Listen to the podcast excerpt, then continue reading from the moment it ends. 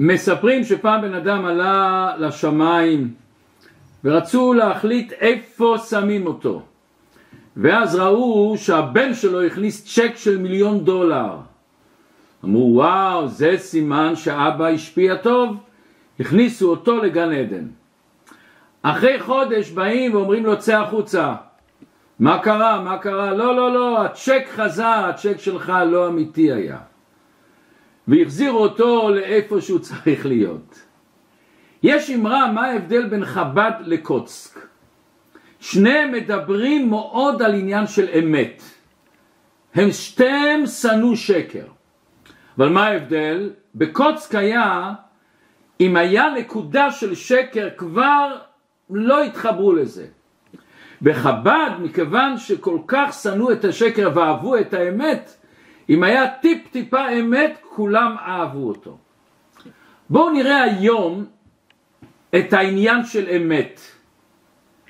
בפרשת השבוע אומרת התורה וייסעו מקדש ויחנו בהר, באור ההר בקצה ארץ אדום ויעל אהרון הכהן אל הור ההר על פי השם וימת שם בשנת הארבעים לצאת בני ישראל מארץ מצרים בחודש החמישי שזה אב באחד לחודש. ואומרת התורה במדבר פרק כ' פסוק כ"ט ויראו כל העדה כי גבה אהרון ויפקו את אהרון שלושים יום כל בית ישראל.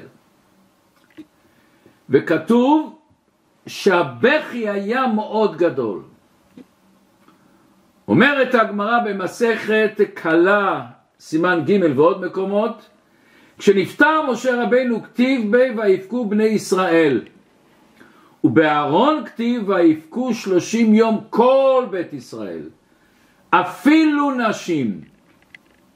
ולא נשים בלבד אלא הם היו שמים על עצמם טיט ועפר והיו נורא נורא נורא מצטערים. ושמונים אלף בחורים שקרואים בשם אהרון יצאו אחרי מיתתו משהו עצום מה היה המיוחד באהרון שלכאורה אצל משה רבינו זה לא היה עוד יותר שכתוב שבאהרון זה היה אצל משה שלושים יום, אצל אהרון זה המשיך הלאה. לפני שאנחנו מתחילים את השיעור, כמו כל פעם, מבקשים להשאיר תגובות, לכתוב לייקים, להוסיף מינויים ולהפיץ את השיעור בכל הצורות שאפשר, פשוט להגדיל תורה ולהאדירה. יש עוד נקודה, כל שנה קוראים את הפרשה הזאת בסמוך לחודש אב. מה העניין של זה? אז היום קצת נראה שני נקודות שלכאורה שונות ושמשלימות אחד את השני. לעם ישראל היו שני מנהיגים, משה ואהרון, וכל אחד היה לו את השליחות שלו. אומר הזוהר הקדוש, כשהקדוש ברוך הוא בא להתקשר לעם ישראל, הרבה פעמים זה כתוב כמו חתונה. אנחנו יודעים שבכל חתונה יש שושמינים, אחד מצד החתן, אחד מצד הכלה. אולי פעם באמת בהזדמנות צריכים לעשות שיעור מעניין על כל הסדר של החופה, מה העניין הזה של שושבינים ועוד דברים. אבל אומר הזוהר הקדוש, משה היה מצד הקדוש ברוך הוא. הוא היה שושבינים והוא היה מצד הקדוש ברוך הוא. אהרון היה מצד עם ישראל. משה רבינו מצד הקדוש ברוך הוא בא לתת לעם ישראל את התורה של הקדוש ברוך הוא. משה לימד את עם ישראל את התורה, את ההלכות, את הרצון של הקדוש ברוך הוא. משה הוכיח את עם ישראל כשהם היו לא בסדר. הוא היה כמו, אני אומר במרכאות, מייצג את הקדוש ברוך הוא. עד כדי כך שכתוב שמשה אומרנו ונתתי עשב בשדך, שואלים מה זה ונתתי, משה נותן? שכינה מדברת מתוך גרונו, הוא היה בטל הקדוש ברוך הוא. אהרון אומר הזוהר הקדוש הוא היה השושבינים מצד ישראל. השושבונים שמצד ישראל שמצד הכלה הם מרימים את הכלה ומקשרים אותה לחתן. החתן מצד אחד השושבינים שלו מקשר אותם לכלה. אהרון השליחות שלו היה להרים את עם ישראל, לגלות בהם את האור, שהם יוכלו יותר להתקשר לקדוש ברוך הוא. בכדי להרים את העם ישראל, מה אתה צריך לעשות? אתה צריך לרדת. אתה צריך להבין אותם. אם אני רוצה להשפיע על מישהו, אני צריך לדבר בשפה שלו. אני צריך להיכנס ברגש שלו. אני צריך עד כמה שאני יכול להרגיש את הכאב שלו. מה לוחץ עליו, מה לא טוב לו. מה גורם לו לעשות כך וכך, ורק אז אני אוכל להיכנס בשכל שלו, בהבנה שלו, בתפיסה שלו, ברגש שלו, ולנסות להרים אותו, לצאת מזה. עוד נקודה חשובה מאוד. אם אני רוצה להשפיע על מישהו, להתקשר אליו, להרים אותו, לגלות משהו באמת, אני צריך להאמין בו שיש בו את הכוחות. ברגע שאני לא מאמין, אני לא יכול לעשות שום דבר. אהרון כתוב שהוא היה אוהב ישראל. אותו אהרון הזה שכתוב שהוא ניגש לכל יהודי ויהודי בשפה שלו, ועוד מעט אנחנו נראה את זה. אהרון היה אוהב שלום כתוב. אוהב שלום, רודף שלום. מה העניין הזה שהמדרש אומר, ולמדנו את זה בפי ערכי אבות, של להיות מתלמידי אהרון, אוהב שלום, רודף שלום וכולי וכולי. מה ההבדל בין אוהב שלום ועושה שלום? אנחנו בדרך כלל מי שעושה בין אנשים שלום, אומרים עושה שלום, מה זה אוהב שלום? מה זאת אומרת לעשות שלום? שיש סכסוך בין שתי אנשים וכשאני רוצה לעשות ביניהם שלום, מה אני מנסה? לפשר ביניהם. אני הולך להציע שכל אחד יוותר על משהו, על משהו שפחות חשוב לו. בכדי שלא יהיה מחלוקת אני מנסה לסדר ביניהם איזה קשר. ואנשים הרבה פעמים מגדירים שלום לאי מלחמה. זה לא שלום. אי מלחמה זה רק אין סכסוך אולי, אין ריב. אבל הם שני אנשים שכל אחד אחר ביניהם. הם לא מסתכסכים, הם לא לוחמים, אבל זה לא שלום. שלום זה אחדות שלמה. שלום זה כמו מוזיקה שמשלימה אחד את השני, שיוצא ניגון, שאני כבר לא שומע את הדו, רה, מי, פה, סול, אסי, אני לא שומע את הפסנתרות, אני שומע את הניגון. זה לא שאין מלחמות, זה דבר חיובי. אהרון דבר ראשון אהב את השלום. אתה לא יכול ליצור מציאות הזאת של שלום.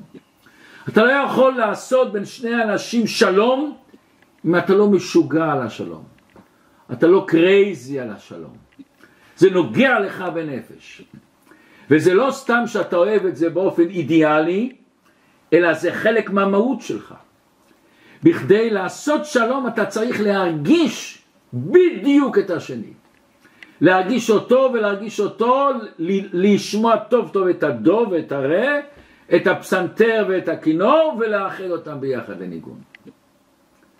כאשר הוא שמע שיש בין שתי אנשים איזה ריב, איזה אי הבנה, הוא לא הלך רק לעשות איזה פשרה שלא יריבו, הוא הלך לגלות שלמות.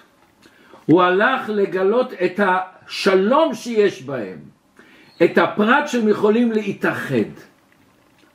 עכשיו, איך הוא עשה את זה? מה היה הסוד שלו? אז בואו נראה דבר נפלא איך הוא עשה את זה, ואולי גם אנחנו נלמד מזה קצת אולי, או הרבה אולי, איך אנחנו יכולים לעשות שלום במחנה שלנו. בבית שלנו, באזור שלנו, בסביבה שלנו, בעבודה שלנו, בבית כנסת שלנו. ואולי מהשלום הזה שאנחנו נשקיע בו, אולי זה ישפיע על עם ישראל גם כן. אנחנו כולנו מכירים מה קורה היום בארץ. ואחד הדברים הכי הכי הכי כואבים, שאין את ההבנה, שכל אחד רואה נקודה מסוימת והוא לא יכול לראות שהשני משלים אותו. אוקיי. אז אומרת הגמרא מסכת קלה, וגם במסכת אבות דרבי נתן, פחות או יותר אותו דבר, יש שני דברים שנוכל לראות להשלים אחד מהשני. אומרת הגמרא, דבר ראשון, אהרון היה שפל רוח. ואומרת, ואומרת הגמרא, אין לך שפל רוח יותר מרודף שלום. למה? וחשוב בדעתך האיך רודף שלום. אם אינו משפיל רוחו. אתה לא יכול להש... להוציא את הגאווה שלך, את הישות שלך. אם אתה לא יכול לצאת מהקופסה שלך, אתה לא יכול להיות רודף שלום. לא סתם לרצות שיהיה בסביבה שלי שלום. אני לא מסוגל לקבל שיש בעולם מציאות של ריב. הכיצד, אומרת הגמרא? אדם מקללו, מישהו בא וקילל את אהרון, אמר לו שלום. אדם מתחיל לריב עמו ושותק. אנחנו מכירים את הכלל. לש... לריב תמיד צריך צד שני. ולכן תראו דבר נפלא שהמשנה רוצה להגיד מה זה ריב, מה זה מחלוקת שאינה לשם שמיים, מחלוקת קורח ועדתו. פלא, לא כתוב קורח ומשה רבינו, הם שתי הצדדים. לא! אם משה רבינו לקורח לא היה מחלוקת בכלל. משה קיבל אותו. המחלוקת היה קורח וכל עדתו, מכיוון שהוא אומר כל העדה כולם קדושים, אבל אוקיי, אם אהרון לא יהיה כהן, אז מי כן יהיה כהן? אז כל אחד יגיד אני רוצה להיות כהן. אוקיי. ממשיכה הגמרא שם ואומרת הלאה, ועוד, אם רבו שתיים, הוא משפיל רוחו והולך זה, ו, ו, סליחה, והולך אצל זה וירצהו על זה. הוא הלך לאחד וריצה אותו על המחלוקת עם השני, וכן לזה. שכך הייתה אמונתו של אהרון הצדיק. עכשיו בואו נראה פרקטיקה. שמע על שתיים שהיו מריבים, היה ביניהם ריב. הולך אצל אחד ואומר לו, שלום עליך רבי! והוא אומר לו, שלום עליך רבי. וואו, וואו, וואו, וואו. אהרון הכהן, נשיא ישראל, כהן גדול, בא, בא לבן אדם הביתה, דופק בדלת וקורא לו שלום עליך רבי. השני נמס לגמרי, נמס כמו חמאה בשמש. מה? ואז הוא אומר, מה מורי רוצה? מה באת? מה זכיתי? למה לא מסרת שליחים? אני אבוא אליך. הוא אומר לו, אהרון, אני רוצה להיכנס אליך, בבקשה, בבקשה, תשב. והוא אומר לו ככה, פלוני חברך, שלוח אותי אליך לפייס אותך. מפני שאמר, אוי שסרחתי על חברי. הוא אומר לו, החבר שלך, זה שיש לך איתו איזה אי הבנה, איזה מחלוקת, איזה ריב, הוא שלח אותי אליך. למה? הוא מרגיש נורא רע. הוא מרגיש שהוא סרח, הוא עשה דבר מסריח, לא טוב על חברי.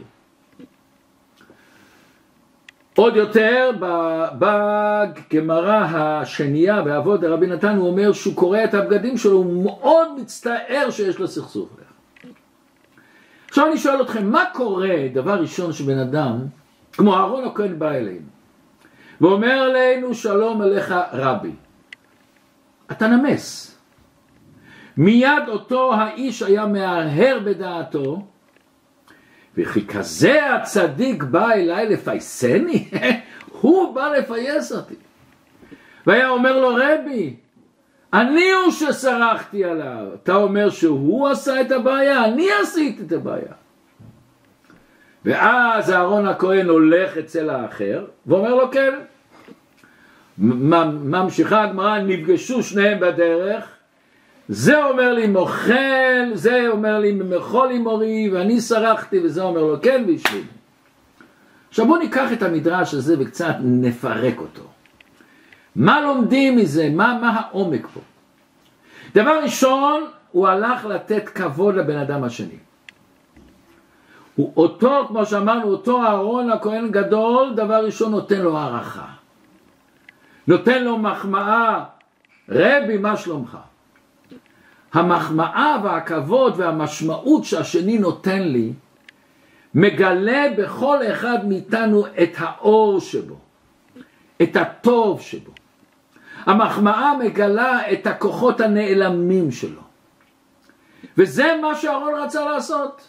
הוא רצה פשוט לדבר עם הטוב של הבן אדם, עם האור של הבן אדם, עם אותו הנשמה האלוקית שלו. איך הוא מדליק אותה, איך הוא מגלה אותה, פשוט מאוד, הוא נותן לו כבוד, נותן לו משמעות, נותן לו אורך.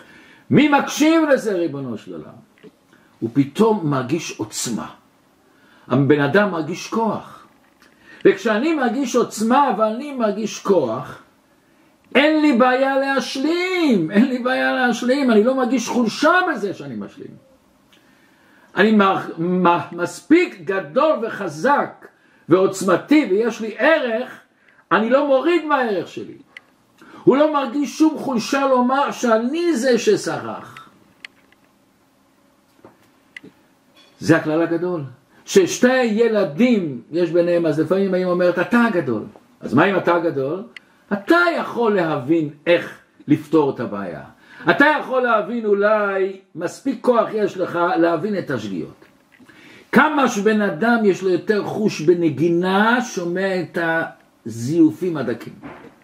כמה שבן אדם יהלומן יותר טוב, רואה את הנקודות הקטנות הקטנות קטנות שכמעט לא רואים, גם בזכוכית מגדלת הוא רואה את זה. למה יש לו חוש לזה?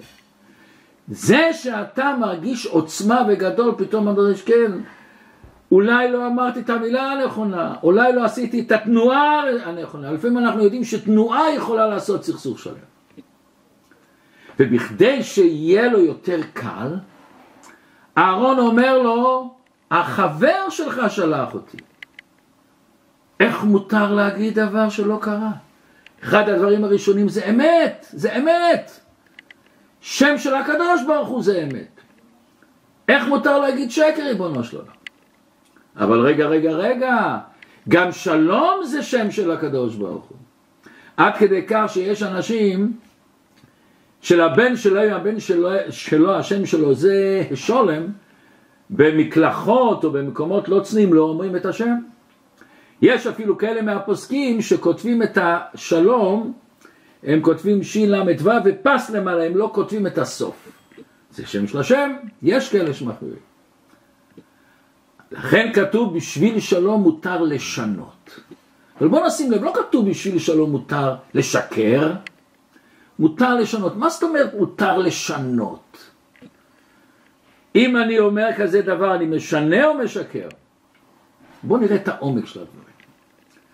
אהרון יודע שכמו שאני בא לשני ואני מאמין שיש בשני חלק טוב ומואר ואני רוצה להדליק אותו, אני יודע שהשני הזה שכעס עליו, מי החלק שכעס עליו?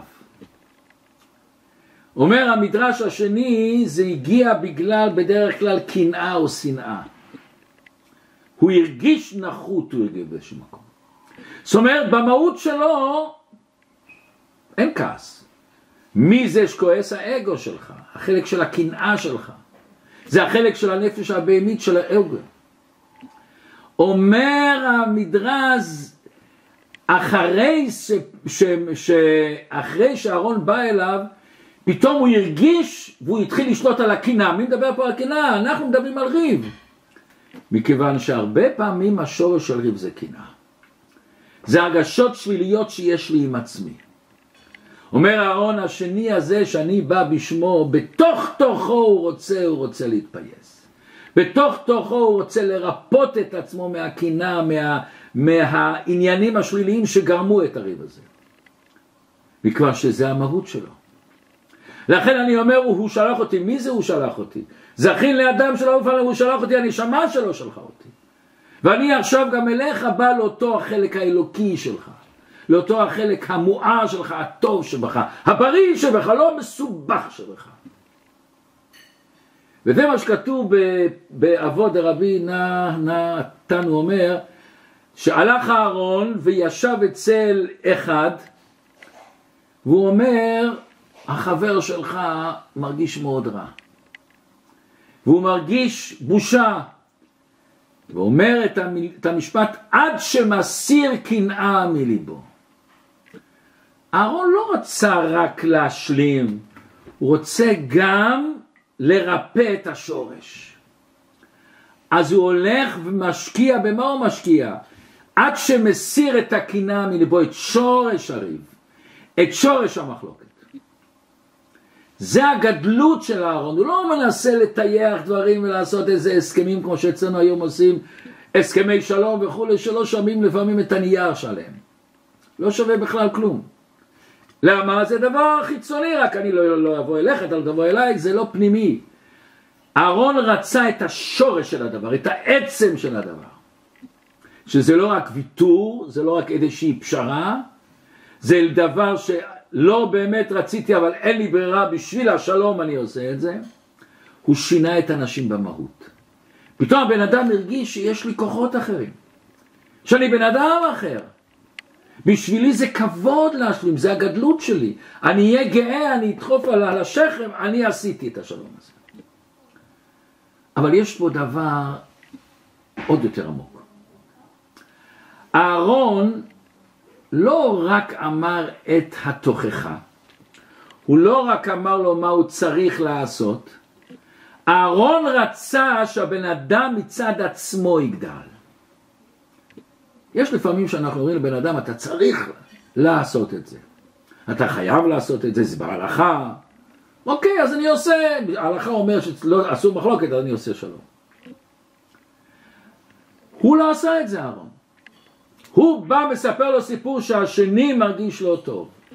הוא בא לשני ואומר לי, רבי, מה שלומך? נותן לו כבוד, נותן לו רחה, נותן לו מחמאות. מה הוא גרם? שהשני לבד אומר, אני סרחתי. השני לבד נהיה גדול. הוא נהיה יותר גדול מעצמו. כמו שילד קטן פתאום מרגיש שהוא התבגר, הוא מבין שהוא גדול. והוא נתן לו את הערך של המשמעות בחיים, את ההתעלות, תרגיש מי אתה. את הפנימיות, את המהות. זה לא שהוא גרם לו לעשות, הוא נתן לך שאתה תעשה את זה. וואו, איזה יופי זה. זה מה שכתוב במקום שבעלי תשובה עומדים, אין צדיקים גמורים יכולים לעמוד. הצדיק, הבעל תשובה, הוא עומד, הוא עומד על עצמו, הוא לא רק מזיזים לו את היד ותעשה ככה. וזה היה הגדלות של אהרון. שושבינים של עם ישראל. לגלות בעם ישראל, לגלות בעם ישראל את, ה, את מה שהם באמת. תשמעו סיפור. יהודי חסיד ברל בוימגרטן, פעם אחת הוא היה בישיבה, וכשהוא נכנס רגע לאיזשהו המקום, הוא מריח אצל בחור בישיבה ריח של סיגריה. הוא אומר, הלכתי לברר, לא שמחתי על הדמיון שני, ושמעתי שגם התלמידים חוששים שהילד הזה ביום שבת קודש יוצא באמצע הלימוד ומעשן. לא דיברתי עמו מאומה אודות זה, עשיתי כמו שאני אינני יודע, ושאלתי לעצמי מה אני אעשה, אולי יותר טוב להוציא אותו מהישיבה, שלא יקלקל אנשים אחרים, אבל זה יפגע באבא שלו, באחים שלו, מה אני עושה? שאלתי את הרבה מה לעשות. ועונה לי הרבה, עיין אבות דרבי נתן, פרק י"ב, משנה ג'. מה כתוב שם? שם כתוב עוד דבר שעשה אהרון. ורבים השיב מאבו נאמר על אהרון הכהן. כשהיה אהרון מהלך בדרך, פגע בו אדם רשע ונתן לו שלום. למחרת ביקש אותו האיש לעבור עבירה, אמר לו אוי לי, איך אשא את עיני אחר כך ואראה את אהרון? בושתי עמנו שנתן לי שלום. נמצא אותו האיש מונע עצמו מן העבירה. אז בואו לפני שאני מסביר קצת את, ה, את מה שכתוב פה, אבל בואו נראה בסוף הסיפור. ואז הרב בוינגרטן קיבל תפנית של 180 מעלות. יש לו שליחות עכשיו. לקרב את הבחורצ'יק הזה, לתת לו מחמאות, לתת לו הרגשה טובה. ואז כשהוא בא בשיעור שלו הוא קיבל אותו בחמימות, חיבק אותו, שוחח איתו, כמו שהרבא אמר לו. עברו שנים, איך כתוב? שלח לחמך על פני המים, כי ברוב ימים תמצאנו.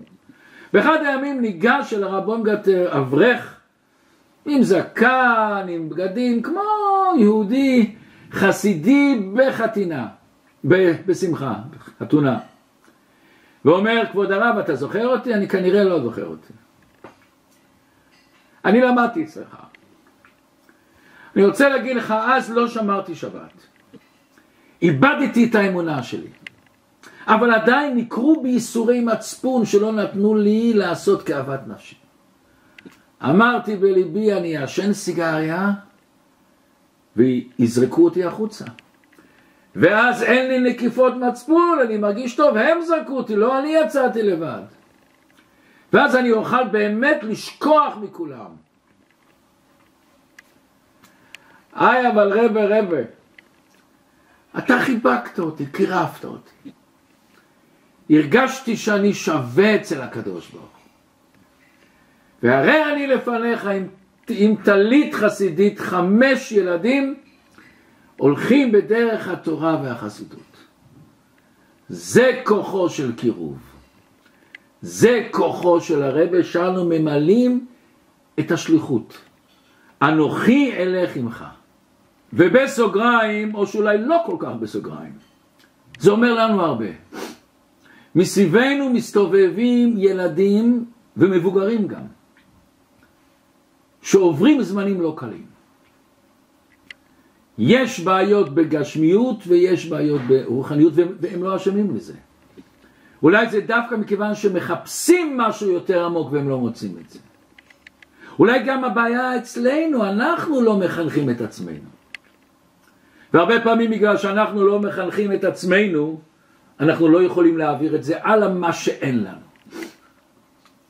ואנחנו הרבה פעמים עושים להם הרגשה, אתה חייב לעשות את זה, ואתה צריך לעשות את זה, וכך כתוב בתורה, וכך...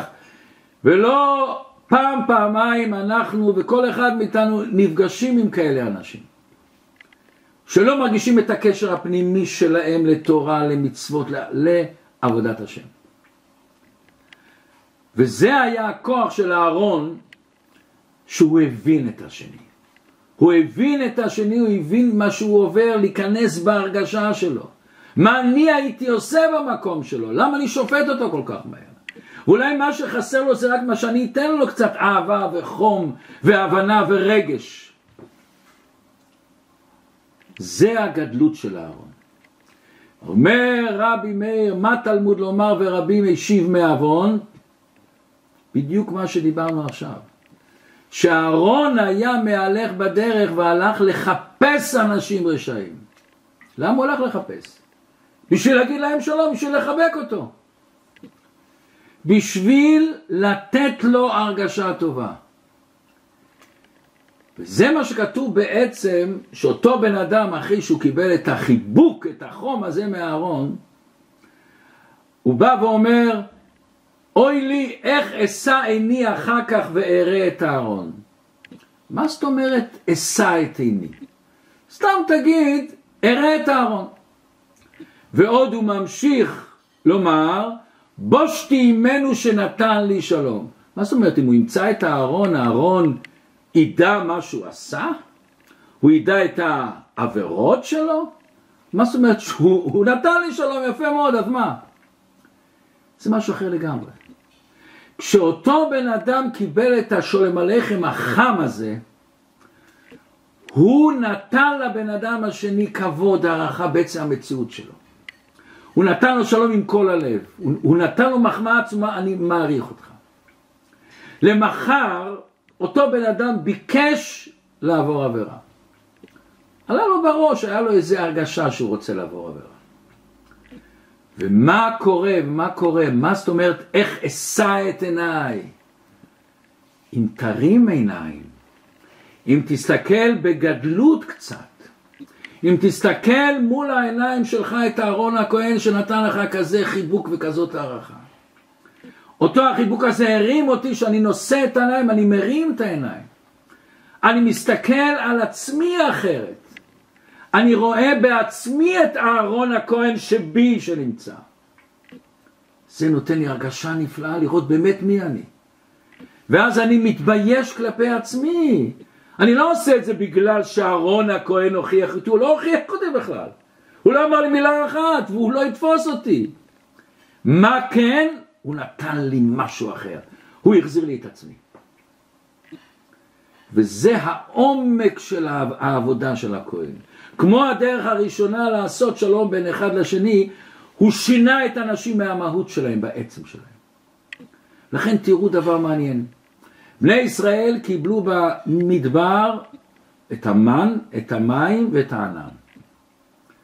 את המים ואת המן בזכות מרים ומשה. הענן, ענני הכבוד בזכות אהרון. מה זה ענני הכבוד? וואו. אהרון נתן כבוד לאנשים. אהרון נתן ערך לאנשים. הוא שם אותם על המקום בלי תוכחות, בלי להגיד מה ומי ומו. ענן זה לא כמו מים ומן שזה אוכל, ענן זה למעלה, זה מקיף. לפעמים אתה לא מרגיש את האווירה שאתה נכנס לתוכו. בן אדם הזה, אפילו אולי הוא לא הרגיש מה שאהרון עשה לו. זה אור מקיף, זה עושה אווירה, זה מה שהוא עשה. לאחרי המלחמה, הרבי מפובוב, רב שלוימי אלברשטיין, איבד את כל המשפחה שלו בשואה והלך לגור באיסייד במנהטן. ורצה לבנות את חסידות בובוב שכמעט נחרבה לגמרי. לא היה לו אפילו מניין. אז בליל שישי אחד הוא יצא לחפש עשירי למניין. הוא פגש בן אדם יהודי חילוני לגמרי שגם ניצול שואה ואומר לו אם הוא יבוא אל התפילה אז הוא אומר לו אוקיי אני אבוא ואפילו הוא אפילו שימש כחזן מכיוון שלא היו אנשים חזן אחרי כמה זמן צמח הציבור, צמח הציבור, עוד מילה ועוד מילה, ואותו ינקלה הפסיק לבוא. פעם אחת הרב מבובוב שואל את הבן שלו, רב נפתולי, איפה ינקלה, היהודי הזה שהיה מגיע? הוא אומר, אני לא יודע. צא לרחוב, תחפש אותו, אולי הוא בסביבה. תזמין אותו לבית כנסת, להיות החזן, הוא כבר הרבה זמן לא בא אלינו. עוד פעם תזמין אותו, בסדר. הלך הלך החוצה עם מישהו ורואה את ינקלה בפארק, יושב בשבת, מעשן וקורא עיתון. הוא חוזר לבית כנסת, והבובו ברבא שואל אותו, ראית? כן. הזמנתם אותו להיות חזן? רבי הוא מעשן, מעשן בשבת. התעלמנו ממנו והמשכנו הלאה. אומר הבובו ברבא, לא, לא, לא, לא, לא, הוא לא מפיר שבת. זאת אומרת, מפיר, ראיתי אותו. לא, לא, לא, לא, לא, הוא לא מעשן, ראינו שהוא מעשן, רבה. הוא לא מעשן, זה הנאצי שלו מעשן. זה הכעס שלו, זה המרירות שלו. זה השטיפת מוח הזאת שהנאצי, שהיצרה עושה לו. הנאצי מחלל שבת לא היהודי, לכו תזמינו אותו. וזה מה שהוא התכוון, שהחוויה הנוראה שהוא עבר במלחמה, הוא הרגיש שהוא לא יכול להמשיך את השבת. הנאצי הזה אשם בחילול שבת. שלושים שנה עברו. אותו יהודי מגיע לבובא ורבי עם כיפה על הראש ומזמין אותו לחתונה של בנו. הרבי לא הכיר אותו. הרבי שואל אותו מי אתה? אני ינקלה שהייתי החזן בבית כנסת שלך. והבובו ברבע כבר היה זקן, חיבק אותו, נשק אותו ואמר לבן שלו, אתה רואה נפתלי, צדקתי, הנאצי, הוא חילל שבת. לכן נוכל להבין דבר מאוד מעניין. השם אומר לאהרון, השם אומר למשה, דבר אל אהרון ואמרת אליו, בהעלותך את הנרות אל מול פני הנורא יאירו שבעת הנרות. מה זה בהעלותך? ושואל רש"י למה נסמכה פרשת המנורה לפרשת הנשיאים? לפי שכשראה אהרון חנוכת הנסים, הם עשו את ח... ח... חנוכת המשכן, חלשה דעתו שלא היה עמהם באותו הזמן. לא הוא ולא שבטו. אמר לו הקדוש ברוך הוא חייך, שלך גדולה משלהם. אתה מדליק ומיטיב את הנרות. מה העניין פה? אנחנו מכירים שרש"י אומר בהעלותך, מה זה בהעלותך? המצווה היא שתהא שלבת עולם מאליה. אתה צריך רק לשים את האש, אבל הנר צריך לדלוק מאליו. אומר הקדוש ברוך הוא לאהרון, כתוב נר השם נשמת אדם. אתה מדליק את הנשמות. אתה מצד עצמך לא צריך אותם, אבל הם צריכים אותך. לכן שלך גדולה משלהם. זה הנקודה שאתה לא רק סתם מדליק את העושה עד שתשלב את עולם אליה. אתה נותן להם את המשמעות שלהם, את הכבוד שלהם, את הערך שלהם, את השמחת החיים שלהם, את הקשר שלהם לקדושה, לאור שיש בהם. ואז הם לבד גודלים, הם לבד עושים. וזה מה שכתוב, הגדלות של אהרון שלא שינה. מה, מה זה הגדלות שלא שינה? שגם שהוא היה כל כך נעלה וכל כך גדול, הוא היה כהן גדול. השפיל את עצמו גם לאנשים שיש מחלוקת. השפיל את, את עצמו גם לאנשים חוטאים, חיפש אותם, להדליק את השלבת שלהם. והרמב"ם אומר, מצווה על כל אדם לאהוב כל אחד ואחד מישראל כגופו שנאמר ואהבת לרעך כמוך. מה זה ואהבת לרעך כמוך? זה תשמעו דבר. אומר הרמב"ם לפיכך צריך לספר בשפחו. זה ואהבת לרעך כמוך. להגיד לו שבחים, להגיד לאנשים שבחים עליו. בואו נחשוב כמה שבחים היום אמרנו. בואו נחשוב, נעשה לנו רשימה כמה שבחים אמרנו בבית שלנו, במשפחה שלנו, בבית כנסת שלנו, בעבודה שלנו, בחברים. כמה, כמה, כמה.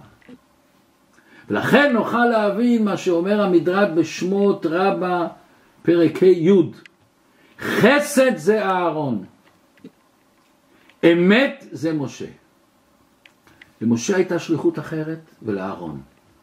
ושתיהם השלימו אחד את השני. ושניהם יצרו את עם ישראל. ובכל אחד מאיתנו יש ניצוץ של משה וניצוץ של אהרון. ואנחנו צריכים לגלות אותם. שהשם ייתן לכולנו את הפתיחות הלב הזאת להכיל את שני הנקודות האלה של החסד הזה העצום ושל האמת.